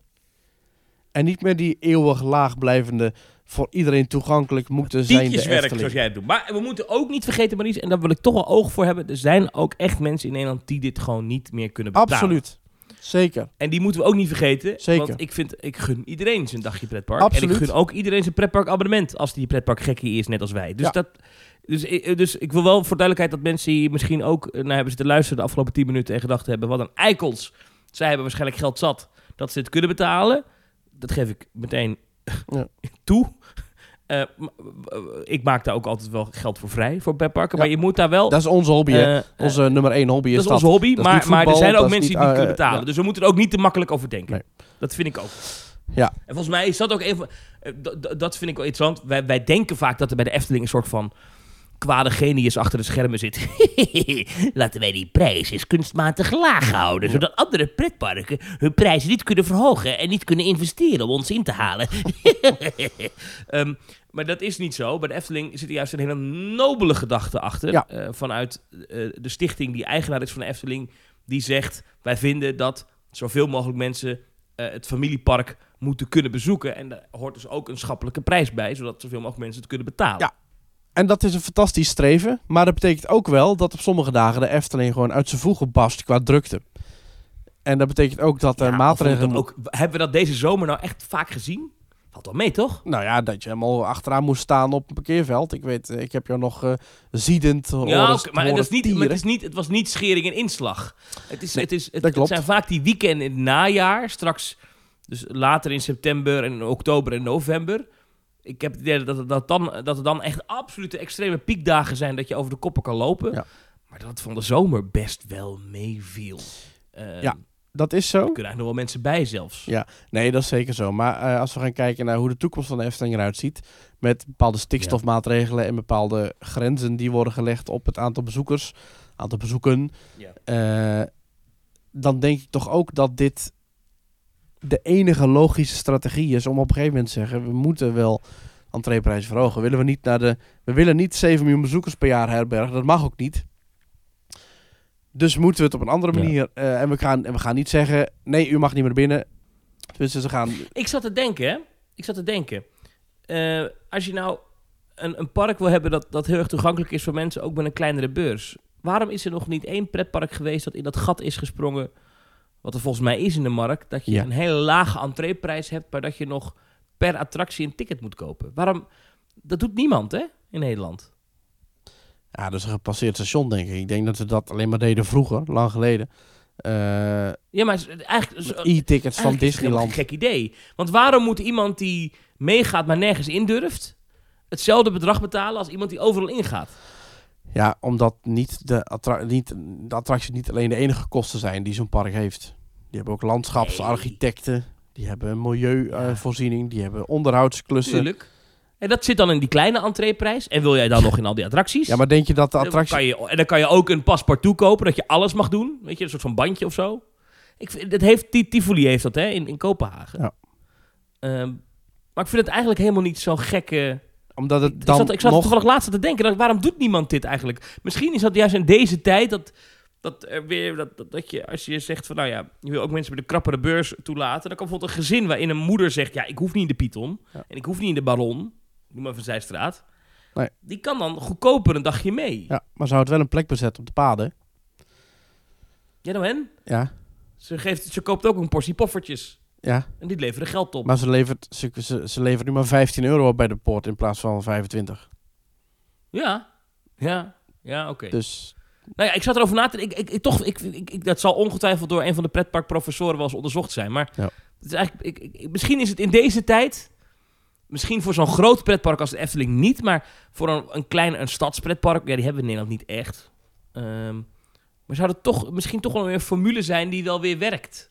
Of zo, ja. zal ik te denken. ja, ja, ja. Nou ja. Heb jij nog meer stellingen of wa- waren dit de Ik stellingen? heb er nog meer, maar laten we nog een paar in het vat houden voor de volgende keer. Want Thomas, als we het dan toch hebben over prijzen en pretparken. Hoeveel zou jij over hebben, Thomas, voor één nachtje in het nieuwe Disneyland Hotel van Disneyland Parijs? Of het vernieuwde, moet ik even zeggen, want het is hetzelfde gebouw. Het compleet vernieuwde, gestripte en opnieuw gedecoreerde Disneyland Hotel. Ehm, ja, ik heb er prijzen van gezien. Ja. Ik ben even vergeten hoeveel het was. Maar ik, ik vond de tekeningen die ik ervan zag... Even voor, voor de duidelijkheid. Het nieuws van afgelopen week is dus dat eh, in januari gaat het open. Het laatste weekend van januari. Op donderdagavond. Dan kunnen de eerste mensen daar gaan slapen. Eh, in 2024 dus, komend jaar. En we hebben nu dus ook eh, tekeningen van de suites gezien. Suites Ja. moet je zeggen. Suites de hotelkamers. Ehm, en ja, ze hebben het hele hotel gestript, intern, en totaal opnieuw ontworpen. Dus je, het- het- alles is anders, zo goed als. eh, Ja. Dan hoe het was in 1992 toen het Disneyland Hotel opende. Het is natuurlijk het iconische gebouw boven de ingang van het Disneylandpark. Mhm. Ik heb er altijd al een keer willen slapen. Ik heb er nooit geslapen. Jij wel trouwens? Nee. Nog nooit. Nee. Ehm, dus alle 847 kamers zijn ja, ja, herbouwd, vernieuwd. En eh, je kan bijvoorbeeld slapen in een Frozen suite. Ehm, En eh, er zijn ook The Princess and the Frog, Moana, eh, De Kleine Zeemermin, Raya and the Lost Dragon. Al die films zitten er ook in. Ja, Beauty and the Beast heeft een eigen suite. En dat is dan de live-action versie. Dus niet de tekenfilm, Oh. maar de live-action versie. Daarvan heb je de Princely Suite. En dan, dat is helemaal alsof je in het decor van die film slaapt. Ehm, Cinderella, Tangled, Frozen en Beauty and the Beast en Door een Roosje. Dat zijn de, de thema's die gebruikt zijn voor de kamers. Ja, maar is het ook echt Nou ja, in het thema van die kamer? Want als ik dan die, die concept art zie van die Frozen kamer, is het meer een soort eh bijenkorf. Ik vind het ik, zo, zo, zo, zo'n zo, zo'n kitscherige kroonluchter en dan van die glazen pilaren. En ik vind het veel te modern en te kil. Ik vind het helemaal niet. Dit straalt voor mij ja die helemaal niet. Frozen kamer hebben ze, die vind ik ook niet zo mooi. Dat is overigens een, ja, een belachelijk mooie suite. Hè? Dat is een enorme grote eh, eh, suite. Die vind ik ook niet zo mooi. Nee. En die schijnt ook eh, behoorlijk wat, wat geld te kosten. Hè? ja, Ehm, die de- kost dat is de Royal Suite. 10.342 euro. Ja, Als je het Dat is gaat, als je in februari is- daarheen gaat. dat is een soort van, dat was, dat is een soort van presidentiële kamer, hè, met een woonkamer. En is echt een gigantische slaapkamer is ja, dat. Ja, ja. Eh, met uitzicht op Main Street. Ja, die is heel duur. Dan heb je Ja. één nacht toegang, ook je één nacht mooi. en dan twee dagen park. Voor twee personen. 10 10.000 euro. Dat is toch belachelijk? Ja. Voor dat geld ga je, ga je eh, drie weken naar Orlando en nog eens twee weken naar Japan. Ja, Ja, maar dit is, voor, dit is voor de rijken der aarde. Ik denk dat wij daar nooit zullen slapen, Maurice. Nee, maar dat hoeft ik. Ja, ik zou er geen oog dicht doen. Ik zou er dan een nacht, een hele nacht wakker liggen van mijn geld zorgen. Die, die slaapkamer, hotelkamer, die gebaseerd is op de Beauty and the Beast, die lijkt wel, ik herken wel de stijl, als je die foto's ervan ziet, dan herken je wel de stijl van, van, eh, van de film erin terug. Eh, van, van, van het kasteel waar de, waar, de, waar de prins dan woont. Ja. Eh, het beest dus, in Beauty and the Beast. Die kost ruim 7000 euro per nacht. Ja. Eh, en dan heb je eh, wat goedkopere suites. Die dus Door een Roosje, Assenpoester, Tangled, Frozen en Beauty and the Beast. Die heb je ook nog daarvan. Die zijn ruim 3000 euro. En Maar ik- eh, ik- je hebt dan ook nog reguliere hotelkamers. Zeg ik maar even. Dat zijn er eh 346. En die kosten vanaf 814 euro. Dus je kan ook voor een, met een wat kleinere beurs... kan je ook slapen in dat hotel. Ja, en wat ik me dan nog vooral afvraag. We hebben het hier over Disneyland Parijs, hè? En ik ken verhalen van mensen die daar dus hebben geslapen in, dat, eh, in het Disneyland Hotel. En die werden daar dus helemaal niet zo roy- royal behandeld als je zou verwachten. Want ook in het Disneyland Hotel werken gewoon medewerkers die er ook af en toe gewoon geen zin in hebben. En in Orlando, Dat dan... weet ik niet hoor. Ik, ik kan mij niet voorstellen Ja. dat Disney een hotel opent met hotelkamers van, van dit, soort, dit soort bedragen en dat dan de service niet top-notch is. Volgens mij gaat dat echt wel goed zijn. Nou ja, ik ik ben niet. benieuwd- heel benieuwd wie ze daar dan gaan Als dat zo neerzetten. is, dan, vind ik het echt, dan, dan, dan zetten ze zichzelf echt Ja. geweldig voor paal. dat doen ze toch al dat 30 doen. jaar? Ja, maar dat is toch een premium product? mij is dit echt wel heel goed hoor. En er zit een zwembadje bij en het is allemaal hartstikke mooi en netjes. Ja, ik hoop dat het en, eh, en als ik de, zo blijft. de foyer eh, zo zie, zoals die geüpgrade wordt, die ziet er nog prachtig uit. Eh, het restaurant ziet er geweldig uit. Ik, ben wel, ik ben wel enthousiast. Ik hoop ben, dat ze ja, de is- absolute crème de la Ja. crème van het personeel daar gaan neerzetten. Want echte, goed lachse, vriendelijke, sociale en, en betrokken medewerkers zijn daar helaas dun gezaaid. Dus ja, Ja, maar die zetten ze dan allemaal in dit hotel. Maar Ja, ik vind dat het met je eens, die Frozen Suite met dat... Ja, ik noem het een beetje ziekenhuisblauwe banken. Snap je wat ik bedoel? Ja. Die vind ik ook niet mooi. Nee. Die, ik vind eigenlijk alles mooi, behalve die Frozen Suite. Dan denk ik, ja, ik... ik want dat is helemaal niet... eh, had het dan aangekleed als in, alsof je in het paleis in Arendelle bent. Maar nu hebben ze gekozen voor die Frozen Suite alsof je slaapt in het ijskasteel. Dat is toch niet mooi? Wie wil er nou slapen in een ijskasteel? ja. Ja. Voor 8000 euro. Of 7000, wat is het? 10.000 zelfs. Oh, de- deze, is, oh, deze is 10k. Ja. Ja. wie wil er nou voor Ja, 10k ja, ja. slapen in een ijspaleis? Ja. Dat vind ik echt stom. Ja. Zou het er ook heel koud zijn, of niet? Ja, denk het wel. Ik denk dat daar een paar medewerkers eventjes eh, eh, wat komen blazen. Nee, ik ben, wel, ik, ben wel, ik ben enthousiaster dan jij. Sorry, eh, Maurice. Ja, nee, dat mag zeker. Ja, DLP Report, dat is die fansite, die heeft dus de prijs ook echt op moeten vragen. Omdat ze ook niet openbaar worden gecommuniceerd. Dat is wel grappig. Nee, dat zijn onze, onze bronnen. Ja, dat is een heel Nou ja, goede bron, het eh, DLP ja. Report op, op Twitter of op X. Ehm, Ze hebben dus al die prijzen opgezocht inderdaad, daar hebben ze nagebeld. Eh, maar ook bijvoorbeeld dingen als het, eh, het eten in het vernieuwde Disneyland Hotel. Zo heb je het Royal Banquet Buffet Restaurant. eh, met Mickey en Minnie, die, of tenminste Mickey en Friends, die komen langs. Dat kost 100 euro per persoon. En je hebt ook nog La Table de Lumière. Ook, dat is een table service restaurant. Ehm, en dat kost 120 euro per persoon. Met Royal Couple Interactions. Dus daar komen de prinsen en de prinsessen langs. Dus dan kun je een prachtige foto nemen. En als je daar met je kinderen naartoe gaat, eh daar betaal je de helft voor. Dus daar betaal je 60 euro per kind. Ja, en dit allemaal dus vanaf 25 januari eh, aanstaande. En je hebt ook nog de Castle Club Lounge, zie ik trouwens, met character eh, breakfast. Dus met een, ook met karakters bij je ontbijt. Ja, het zal allemaal wel zijn prijskaartje hebben. Ja, ja eh, eh, dit, dit gaat gewoon niet goedkoop zijn. Nee. Dit, dit, dit, dit, dit- ja, maar het is wel uniek, weet je. Je slaat boven de ingang van een van de beste pretparken ter wereld. Ja, dat, dat Ja. heeft een prijskaartje. Ja, ja, ja.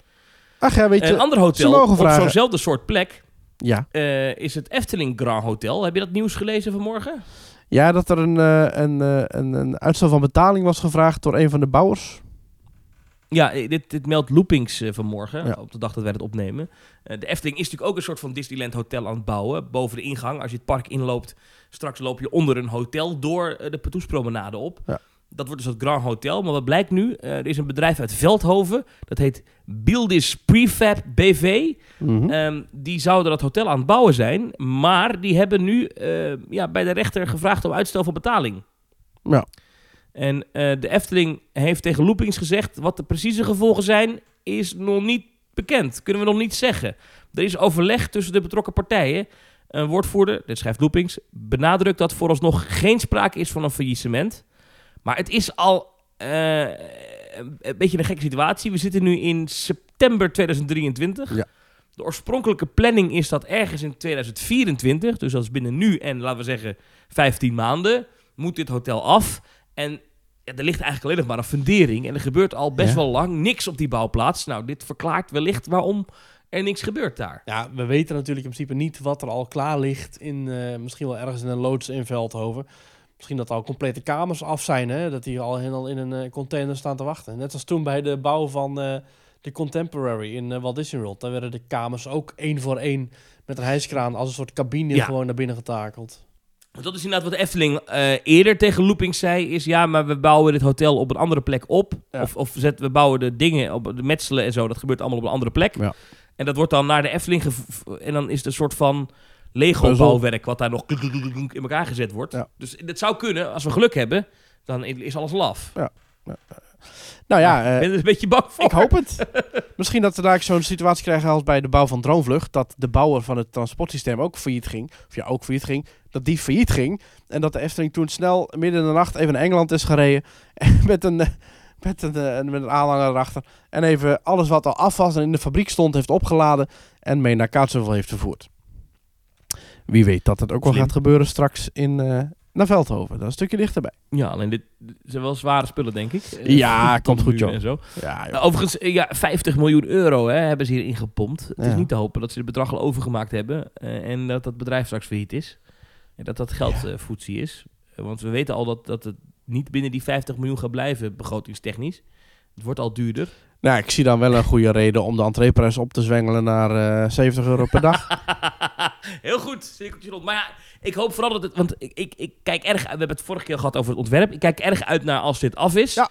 Alleen, ik kijk niet, en dat, dat niet uit naar nog, eh, nog jaren in deze situatie zitten met die enorme balput ernaast. Alsof je in een of is ander vluchtelingenkamp zit. Ja, in deze situatie waar ik me nou bevind. Ja, nee, maar inderdaad. eh, het is natuurlijk een, eh, Ja, niet zo'n is fraaie... dat te somber als ik dat zeg? Nou ja, het is natuurlijk nou niet zo'n fraaie eh, entree tot een wereldpark. Dat je, Nee, dat bedoel ik. Ik hoop dat dat, dat dan wel snel Ja. iets verticaal gaat, zoals dat dan heet. Precies. En dat we niet nog jaren naar, naar die bouwhekken zitten kijken met die, Met die rare big. Nee, Ja. ja. nee inderdaad. ik eh, hoop het ook. Voor wie dit niet weet waar het over gaat. De Efteling heeft, toen dit begon, die, die bouwput daar naast de ingang, hebben ze bouwmeester Big geïntroduceerd. Dat is een pratende Big met een bouwhelm op. Nee, hij praat niet, hij knort. En- hij knort, maar hij heeft toch teksten in tekstblondetjes. Nee, volgens mij niet hoor. Volgens mij heeft hij geen... Nee, volgens mij praat hij niet. Ook niet met tekstballonnetjes. Maar goed, dit is weer allemaal eh, diepere bouwmeester Big eh, materie. Ja. Ja, nou goed. Eh, dat dus even eh, qua ingang hotels. Ik hoop dat het de Efteling er snel eh, wat mee doet. Want nu is dus... Het is bijna niet te geloven. Maar nu lijkt het erop dat een project, een verbouwingsproject in Disneyland Parijs... wel op schema afkomt. En een verbouwingsproject in de Efteling vertraging oploopt. Nou ja, ik weet niet hoe lang... Omgekeerde eh, wereld, Maurice. ik, ik weet niet hoe lang Disneyland Parijs al over heeft gedaan, maar goed. Ja, het, het Disneyland Hotel is al even dicht. Ik moet wel zeggen dat, ik, dat ze de buitenkant al best goed hebben opgeknapt daar. Want eh, ze hebben daar langzaam al die stukken eraf gehaald en, en opnieuw geschilderd en zo. En er stonden allemaal eh, Ja. stijgers op een gegeven moment. Maar dat hebben ze wel netjes. Dat ziet er wel als je nu aankomt bij Disneyland Parijs. Ja, het is even geleden de laatste keer dat ik er ben geweest. Maar toen dacht ik wel, oh, ze hebben het wel. Het ziet er wel meteen gewoon opgefrist en een stuk beter uit. Ja. Ja, Nou ja. ja, ja, ja. Ach ja, Eh, het Grand Hotel. Je had nog meer Disney-dingetjes, geloof ik, hè? Ja, in Shanghai opent namelijk eh, eind dit jaar eh Zootopia. En dan Ja. weet ik niet of jij er al wat van weet, Thomas. Heb je er al iets van gezien?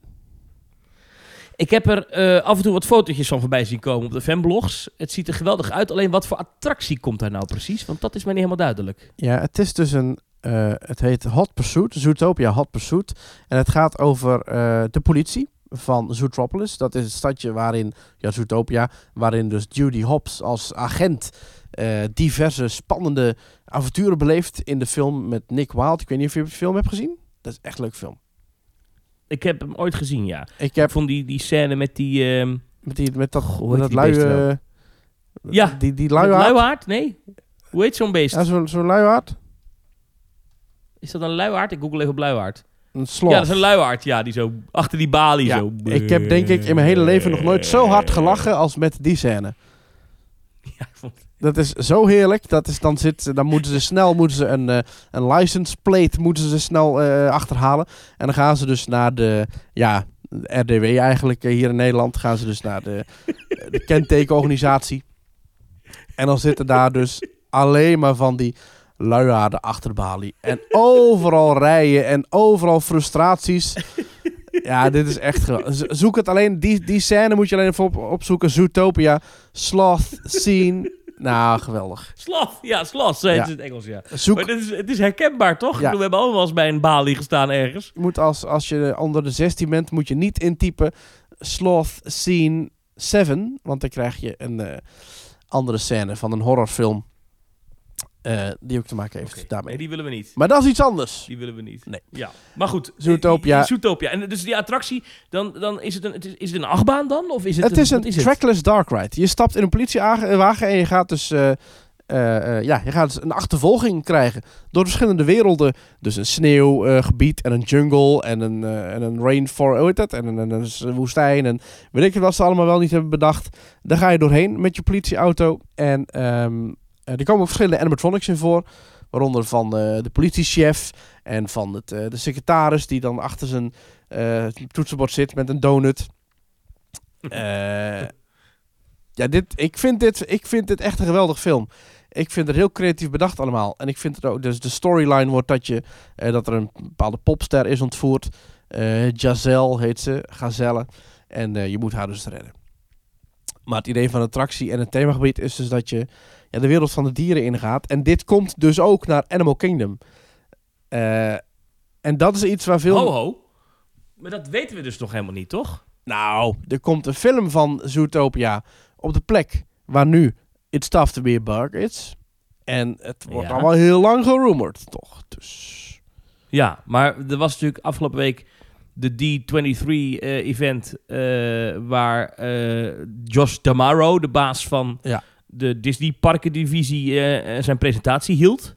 Nou, ik, ik voelde me bijna een luiaard toen ik dat keek. Ik, ik vond het, dat, er zat heel weinig in, vond Mhm. ik.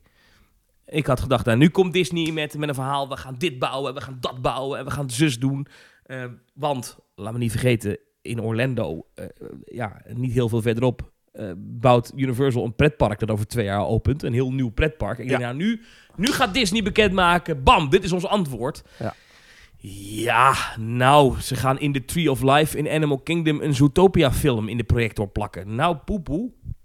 Ik vond het niet heel spannend. Ja, oké, ik snap wat je zegt. Ja, dan had ik liever gehad dat dat verhaal wat jij mij nu vertelt over die, die Zootopia-attracties in Shanghai, die krijgen we in Amerika of in Parijs. Maar dat krijgen we niet. Maar, ja, ik denk het dus wel. Ik denk dat dit wel komt. Ik denk, Kondig dat dan aan! Waarom zeggen ze dat dan niet? ja, omdat dat allemaal nog onder voorbehoud en weet ik het wat. Maar Ah. ik, weet je, Tron staat ook in Shanghai. Die, wordt nu, die is nu ook geopend in, in Magic Kingdom. Maar er zitten allemaal levertijden en dat is allemaal contracten. En net als met Mystic Manor, eh, niet, niet, dat- niet dat die nu erg wordt gebouwd, maar er zijn attracties die worden gebouwd met een bepaalde contractvorm. van je mag dit, eh, net als Ratatouille. Die is in 2014 geopend in, eh, in Parijs. Onder voorbouw dat die attractie daar gewoon een x aantal jaar exclusief zou zijn. Als ze nu Shanghai Zootopia gaan aankondigen, dan gaan ze er ook niet ook al zeggen... Oh, en trouwens, het komt over vijf jaar ook naar Animal Kingdom. Dankjewel. Dan verlies je heel die exclusiviteit. Dus ik snap wel dat ze dat niet Ja, aankondigen. Dus ik denk dat dit echt nog wel een keer gaat komen. Maar niet heel snel. Want, ja. Nee. Dus, eh, Maar Disney had dus eigenlijk niet heel veel aan te kondigen afgelopen week. Eh, behalve dan dus, ja, er komt dus een Zootopia show in de Tree of Life. Ik, Ja. Ze konden nog geen datum noemen, ook niet voor deze Zootopia attractie in Shanghai, wanneer die open gaat. Konden ze ook nog niet zeggen. ja. Ze konden ook nog niet zeggen wanneer eh, Tiana's Bayou Adventure, zeg maar de Log Flume vervanging van Splash Mountain in Orlando en in Anaheim, wanneer die open gaan. Mhm. Toen dacht ik, nou, dan komt er misschien nog wel iets. Nou, toen was er, ja, we gaan eh, de Country Bear Musical Jamboree. Ja. Eh, die komt. Nou, dat is op zich leuk. Ja, komen nieuwe Magic liedjes. Kingdom, maar een show. Een show, oké. maar wel leuk. Ik vind het wel in de traditie van de, de Disney parken vind ik wel tof dat die Cou- Country Bears weer wat terugkrijgen. Ehm, De Headbox Ghost eh, komt ook in november naar eh, Magic Kingdom. Wist er eigenlijk ook al. Ja. De Headbox Ghost is een hele fancy animatronic in de Haunted Mansion. Heb jij hem ooit gezien? Nee. Nee, nooit in het echt. Oké. Ja, dus ik heb hem wel ooit gezien in, in eh, Californië. Ja. Ja. wat is het? Het is een pop die een, een, een lantaarn in zijn hand heeft. En dan eh, heeft hij zijn hoofd. En dan ineens wordt zijn hoofd donker. En dan zit zijn hoofd ineens in die lantaarn. Ja. Zeg ik het zo goed? Dat klopt. Eh, Het is een- zijn het hoofd is wisselt het is van een magisch trucje is het. Ja, Ja. Het, is, het, is een, het is een illusie. Maar wel gaaf. Die komt naar de Haunted Mansion in Magic Kingdom. In Californië hebben ze hem al. Parijs heeft hem niet, hè? En zou daar ook ook niet echt passen. Er komt een Pirates of the Caribbean lounge in het Magic Kingdom Park in, in Orlando. Dus een soort van ruimte waar je kan chillen, eten en drinken. In het thema van Pirates of the Caribbean. Dat wordt nu door Walt Disney Imagineering ontworpen. Past wel goed, Ja, vind ik. Oké. Eh, ja, nou, Journey of Water gaat dan volgende maand officieel open. Dat is zeg maar een waterspeeltuin waarbij je kan zien eh, wat, hoe water zeg maar altijd in een cirkel gaat op aarde. Dus van regen naar water, naar plassen, naar zee en dan zo weer de lucht in. Ja. En dat, dat proces wat water doormaakt, een beetje educatief, wordt in, in Epcot dan verteld. Met daarbij de figuren van Mohana, zeg ik een beetje oneerbiedig. Ja, ja, en het is blijkbaar een eh, fantastisch nieuw themagebied. Hè? Het is mooi groen, het is echt natuurlijk. Het is eh, ja, met water uiteraard. Er is ook een, een droogpad als je droog wil blijven.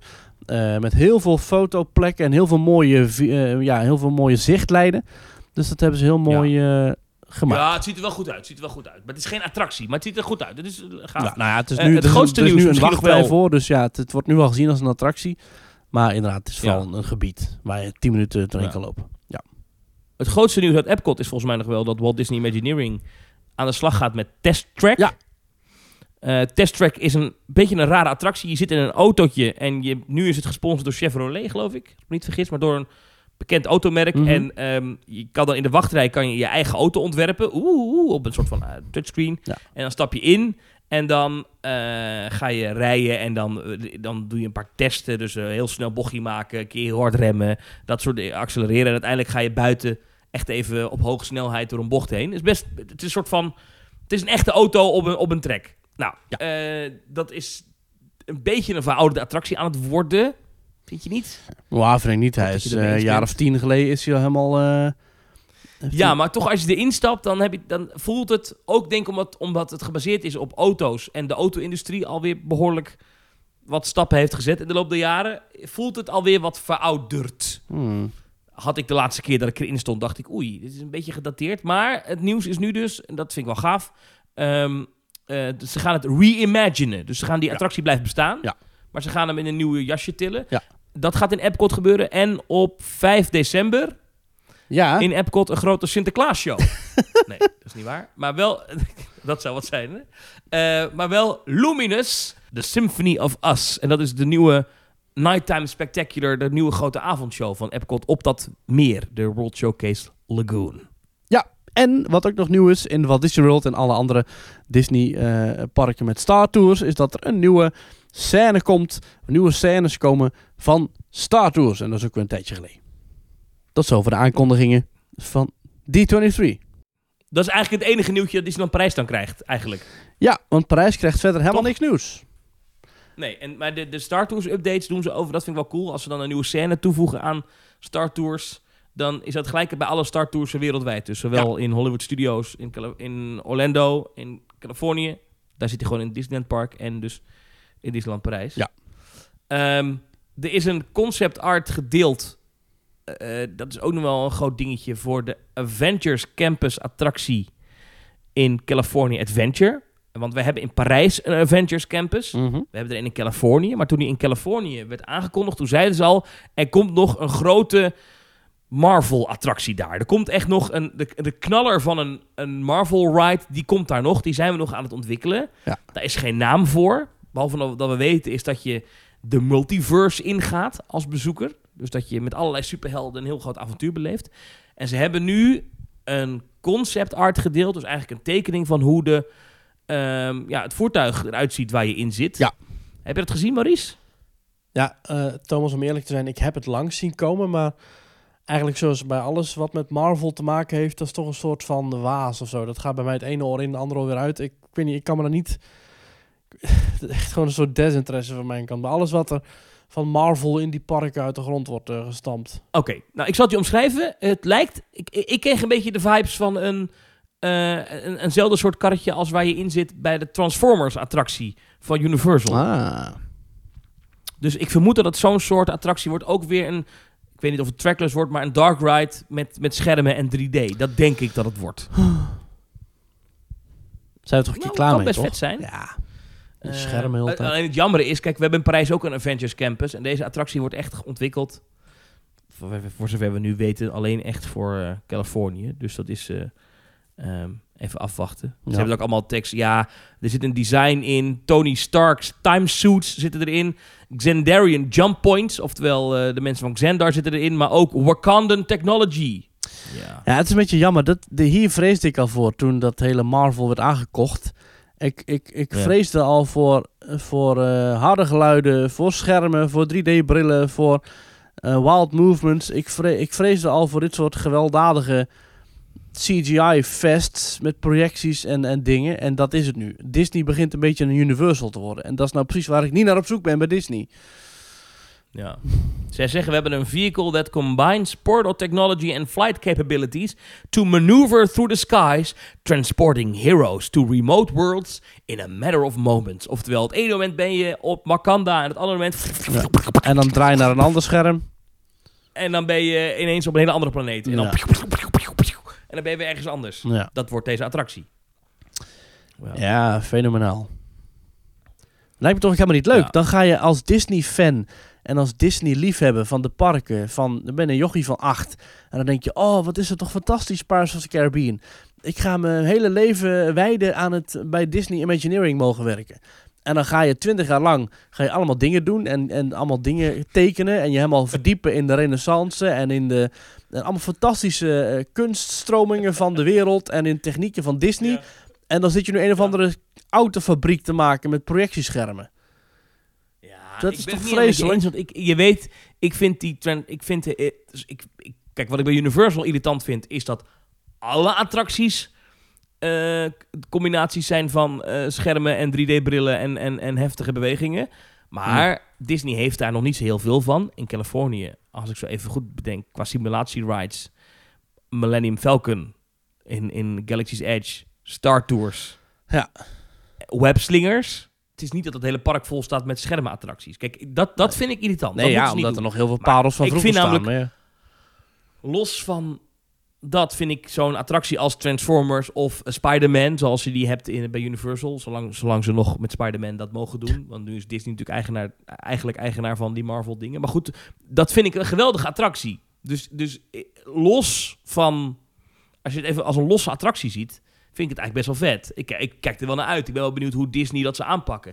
Ja. Ik, Disney heeft natuurlijk met dit type attractie al wat lopen experimenteren. Ratatouille is daaruit voortgekomen in Parijs. Ja. Ben ik niet helemaal van onder de Ja, indruk. daar hadden we moeten vet. laten. Alleen, alleen wat ze bij Ratatouille dan weer niet zo goed hebben gedaan als wat Universal wel heel goed doet, is dat het, het scherm niet echt overloopt in het decor. Dat is daar, je ziet heel erg een vloer en zo. Ja. Dat is bij Transformers en bij Spider-Man en ook bij Harry Potter, waar ook dat soort effecten in zitten, Ja. heb je dat helemaal niet. Dus daar kan Disney nog wat leren. Nou, Ja. misschien dat ze dat nu aan het doen zijn. En, en is dat bij deze attractie opgelost. En wordt het een heel vet ding. Dat kan. Ja. Jij bent niet enthousiast. Nee. Nee joh, ik heb echt het Marvel, ik vind het vreselijk. Ik vind het de grootste fout die Disney ooit heeft gemaakt. Maar goed, waar ik wel zin in heb, en ik hoop dat dat uh, doorgaat, want het is nog een, uh, een overweging, dus het is niet officieel, ja. is dat Disney een uh, Tropical South America Land overweegt voor Disney's Animal Kingdom.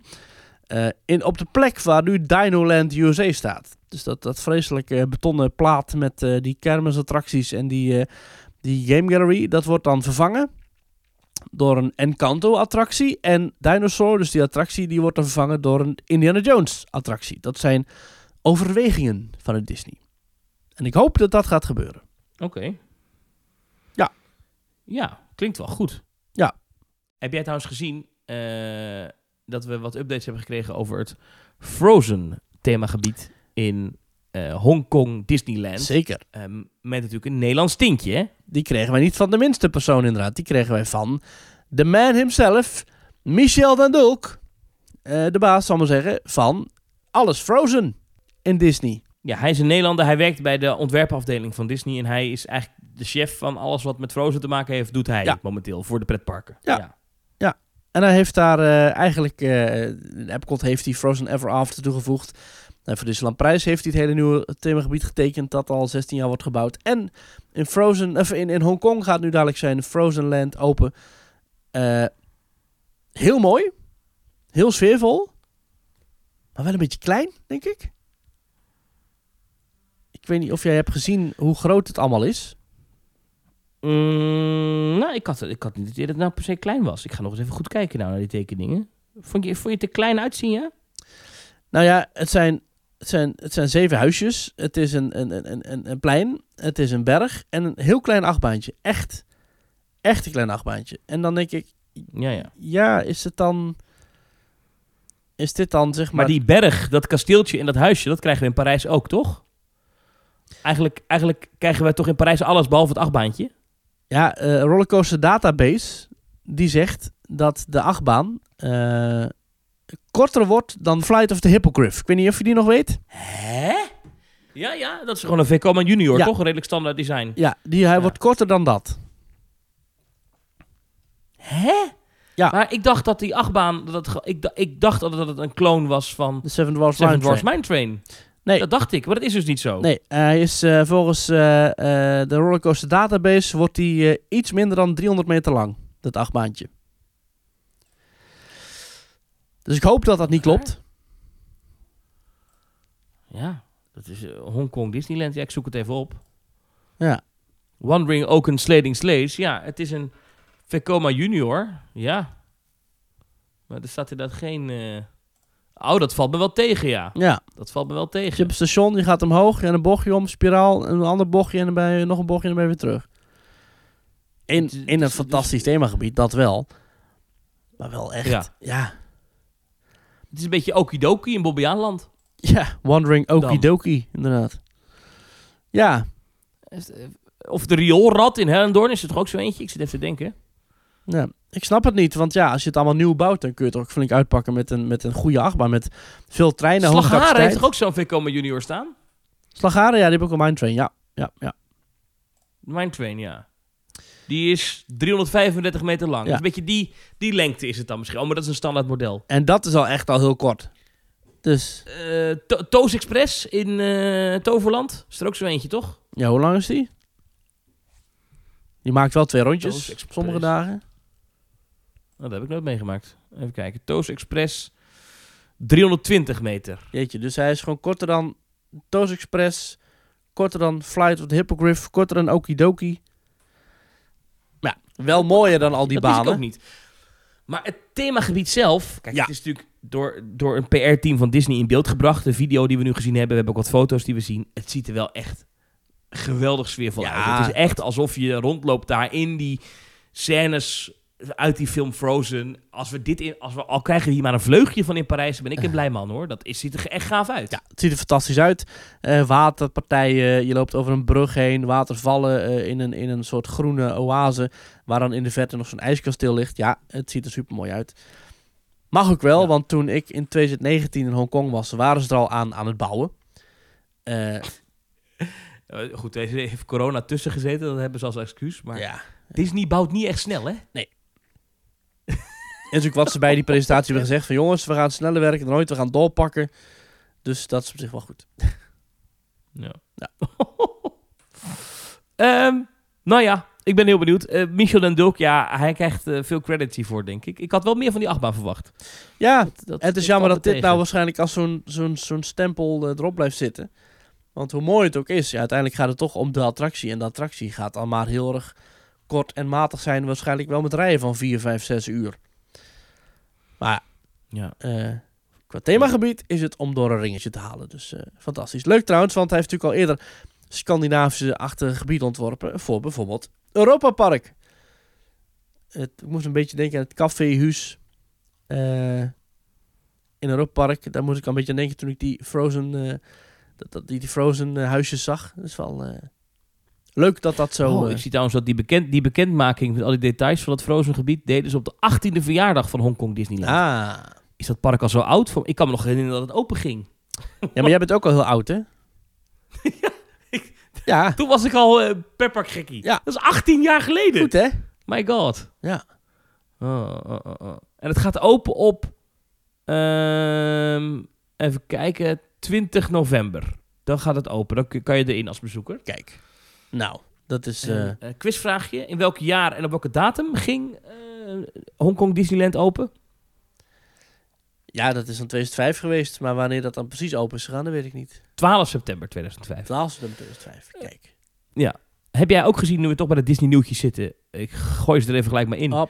Maar dat eh Sorin over Californië terugkomt. Ja, de oude film die wordt weer helemaal teruggebracht, hè? Sorin is het, is het een vliegsimulator van Disney. Ik vind hem zelf erg gaaf. Mhm. En het was altijd Sorin over Californië. ja, ja. ja. Ooit ontwikkeld voor California Adventure. Eh, toen werd hij vervangen door Sorin over the World, een nieuwe film. Mhm. Die jij minder vindt, geloof ik, hè? Nou, ik vind het heel erg veel computeranimaties. Dat vind ik een beetje jammer. Ja, de Taj Mahal is nep. Die luchtballonnen zijn nep. Ja. Ja. Ja. ja. De olifanten Eh, zijn nep, de ijsberen zijn nep, de potvissen, al die dieren die je ziet. Ook mensen die je ziet, zijn allemaal nep. Hij komt nu tijdelijk weer terug eh, als onderdeel van de 100ste verjaardag van Disney. Ik weet niet wat dat met elkaar te maken heeft, maar goed. Hij komt over Californië weer terug. eh, al best snel, eh, op 22 september. Hmm. Dus dat is al best snel. Komt die film tijdelijk terug in, in Orlando. In Californië was die af en toe al terug hè, bij, bij speciale Ja, gelegenheden. Zo leuk is dat. En daar zit dus ook die grap met dat golfballetje dan weer in. Leuk hoe Disney altijd teruggrijpt naar oude dingen om mensen wild te maken van nieuwe plannen. Want ja, als de Imagineers van vroeger het hebben bedacht, dan mag je er geen kritiek op hebben. Maar eh tegenwoordig... Ander Disney nieuws was dat er dus... eh, ik ben benieuwd wat jij hiervan vindt. Er was er wat gedoe over in de Verenigde Staten. Maar ehm, Disneyland, het oorspronkelijke Disneyland Park... eh, heeft nu weer meer locaties waar je alcohol kan kopen. Oh ja, prima. Dat was vroeger uit den boze onder Walt. Mm. En toen een paar jaar terug was er ineens, kon men daar alcohol krijgen. In Parijs ging dat al heel snel, al in de jaren 90 overboord. Dan kon je al vrij snel Ja. bier en wijn krijgen. Ja. Maar in het oorspronkelijke Disneyland kon het tot niet zo heel lang geleden echt niet. En nu is het aantal plekken waar het kan weer uitgebreid. Ja, ik denk dat dit een beetje een, eh, een signaal is van de tijd. Ik denk dat mensen tegenwoordig... Je hebt al heel snel dat ergens een snufje alcohol in zitten. Als je ergens een, een feestje hebt, dan wil je toch een, een signature cocktail... of je wilt een, eh, een beetje chic doen, dan heb je al gauw iets met alcohol nodig. Dus ik snap dit wel. En ik heb er ook niet zoveel probleem mee. Mede ook omdat alles met alcohol waarschijnlijk... eh, voor niet minder dan 14 dollar per glas eh, over de toonbank gaat. Dus echt jezelf helemaal dronken zuipen, dat eh, lijkt me moeilijk. Nou heeft Disney in Florida hebben ze een dorp. Dat heet Celebration. Eh, dat hebben ze ooit uit de grond gestampt daar. Eh, en dat is echt een Disney-dorpje vlakbij eh, ehm, Walt Disney World. Ja, is het nog van Disney tegenwoordig? Ja, het was doorheen gereden. Maar is het... Nee, maar er zitten nog wel heel veel, mensen, heel, veel dingen in het dorpje zijn Ja. nog van Disney. Ik geloof dat het nog wel in dat beheerding valt waar zij het beheer over hadden slash hebben. Ja. Eh, maar inderdaad, of het echt van Disney is, weet ik niet. Maar ze hebben een soort van gemeenschap daar, waar die, die heel Disney-esque is. Da- dat, een tijdje terug hadden ze al aangekondigd dat Disney daar verder mee wilde. Hè? Dat ze het hadden over story living.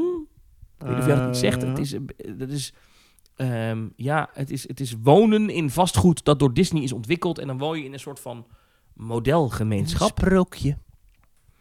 En, eh, waar de grasrandjes dus in- nooit overwoekerd raken met onkruid. En waar iedereen zijn container binnenhaalt als het moet. En waar Ja, geen enkel is- huis is- verkleurd. Geen afbladderende verf. Vrij bizar waarom je dit zou willen. Maar goed, je kan dus straks gaan wonen daadwerkelijk in een Disney-gemeenschap. Eh, dat komt dus al in eh, Florida. Maar er komt nu een nieuwe aan. En dat gaat allemaal nog wat verder zelfs. In Zuid-Californië, in Coachella Valley. Ehm, daar wordt gewerkt aan een eh, project. En ze hebben nu de drie ehm, ja, verschillende categorieën waar je uit kan kiezen als je daar wil wonen. De Cottage Collection. Dat zijn eh, Mhm. eh, ja, woningen die zijn 50 voet breed. Wat is vijf- hoeveel 50 voet? Nee, dat is in ieder geval de kleinste collectie. Dan heb je de Grand Collection. Ja. Dat zijn wat grotere huizen. En dan heb je de grootste huis, die heet de Estate Collection. Dit gaat Disney allemaal verkopen. Eh, Je ziet ook allemaal, allemaal tekeningen ervan, hoe het eruit ziet. En wat concept Ongeveer, art. dat je eh, een 15 parkje meter hebt en weet ik het allemaal niet. Ja. Zo weer 15 meter. Ja, en je kan dan bijvoorbeeld eh, in, in, in, het, in de gemeenschap waar je dan komt te wonen, heb je ook een Laughing Place Ranch Dog Park. Uh-huh. Eh, designed to celebrate Walt's love for horses. With an equestrian-themed dog park featuring separate play areas Oh. for small and large pets. Dus helemaal een door Disney ontworpen ehm, ja, honden hondenpark. Kijk. Oké, en, en, en, en, en een picknickplek en weet ik veel allemaal niet. En eh, ja, Disney is dus echt in de vastgoedmarkt aan het stappen, waarbij je dus door Disney ontworpen huizen kan gaan kopen straks. En Ja. eh, dan hebben ze een deel daarvan is voor 55-plussers, waar je echt ja, met pensioen kan gaan eh, in een Disney-sfeer. En het, de huizen die daar gebouwd worden, die zijn voor een deel ook gebaseerd op IP. Dus je kan zeggen, nou, ik woon graag in een Frozen-achtig ding, maar die ontwerpen hebben we nog niet. Ja, fun fact. Als je je leven lang Ja. in Disneyland hebt gewerkt, dan kun je dat niet betalen. Nee, nee, nee. nee. Cotino heet dit project. Ah. En eh, nou ja, ze maken steeds weer, weer dingen eh, eh, bekend. Oké, Ja. grappig. En dit, blijkbaar gaat het heel veel geld opleveren. Iets voor jou, Thomas. In een Disney-woning wonen. Ja, nou ja. Ik, ik, ik, ik wil graag in Nederland blijven. Ik hoef niet zo nodig Ja, in Zuid-Californië te wonen. Ik denk dat je Dus- helemaal gek wordt van alle sociale verplichtingen en alle regeltjes. En ik denk nee, dat... het- dat zal toch niet? Nou, ik denk dat daar een strenge handleiding bij zit, hoor, als je daar wil gaan wonen. Ja, dat zou best kunnen. ja. Ja. Nou ja, goed. Eh, er er komt ongetwijfeld meer informatie in de komende tijd over Cortino. Een plek waar je dus daadwerkelijk Mhm. kan wonen in een woonwijk die door Disney wordt neergezet. Want zo zie ik het maar even. Het ziet er gewoon uit als een woonwijk eigenlijk. Ja. Maar dan net even iets mooiere huizen, net even iets mooiere paden. En, en een, een meertje en een town center en een beachpark en wat horeca en dingetjes. en dan woon even iets dus hogere prijzen bij waarschijnlijk. Disney. Dit is overigens niet per se in de buurt van Disneyland hoor. Dit is gewoon Nee. ergens in het zuiden van Californië. Ah, Beloofde Disney land. dus ook is naast filmstudio en pretpark-exploitant dus ook vastgoedmagnaat aan het worden. Hmm. Projectontwikkelaar, Overal wat geld te halen valt, hè. zeker. Ja. Nou, ik vond het wel weer leuk. Een keertje een aflevering die bijna alleen maar over Disney ging. Ja, ja, ja. Heb jij nog plannen komende tijd voor een pretparkje? Ja, eh, de, de plannen voor, eh, voor, eh, voor Disney in, in, in Japan, fine, fine tune, hè. Dus Wat doe jij zondag? aanstaande zondag heb ik een verjaardag. Ah, dat is ja. Hmm, hoezo? Dat is ja. Je wilt nog Nou, even naar de Efteling of zo? Ik, ik word de hele tijd geconfronteerd met beelden van eh, Park Asterix opnieuw. Oh, En... eh dat doet dat is. Ja. Ze zijn open van 10 tot 7. Hmm. Ja, ja, ja. Ik zit eraan te twijfelen. Hmm. Het is maar drie uurtjes rijden. Iets meer. Je bent er zo. Ja. Hmm. En Toetaat is, ja, geweldige lanceerachtbaan. Nou ja, misschien wil ik er nog wel een keer heen. We gaan het er nog over hebben. Zeker. Maurice, Thomas. veel dank voor eh, jouw bijdrage aan deze aflevering weer. Ja. En ik wens jou veel plezier bij de verjaardag. Dankjewel, Thomas. En ik, spreek je eh, volgende week weer. Ik vond het weer gezellig. En ik spreek jou binnenkort weer. eh, waarschijnlijk volgende week. Dankjewel voor het luisteren allemaal. En tot volgende week. Tot volgende week.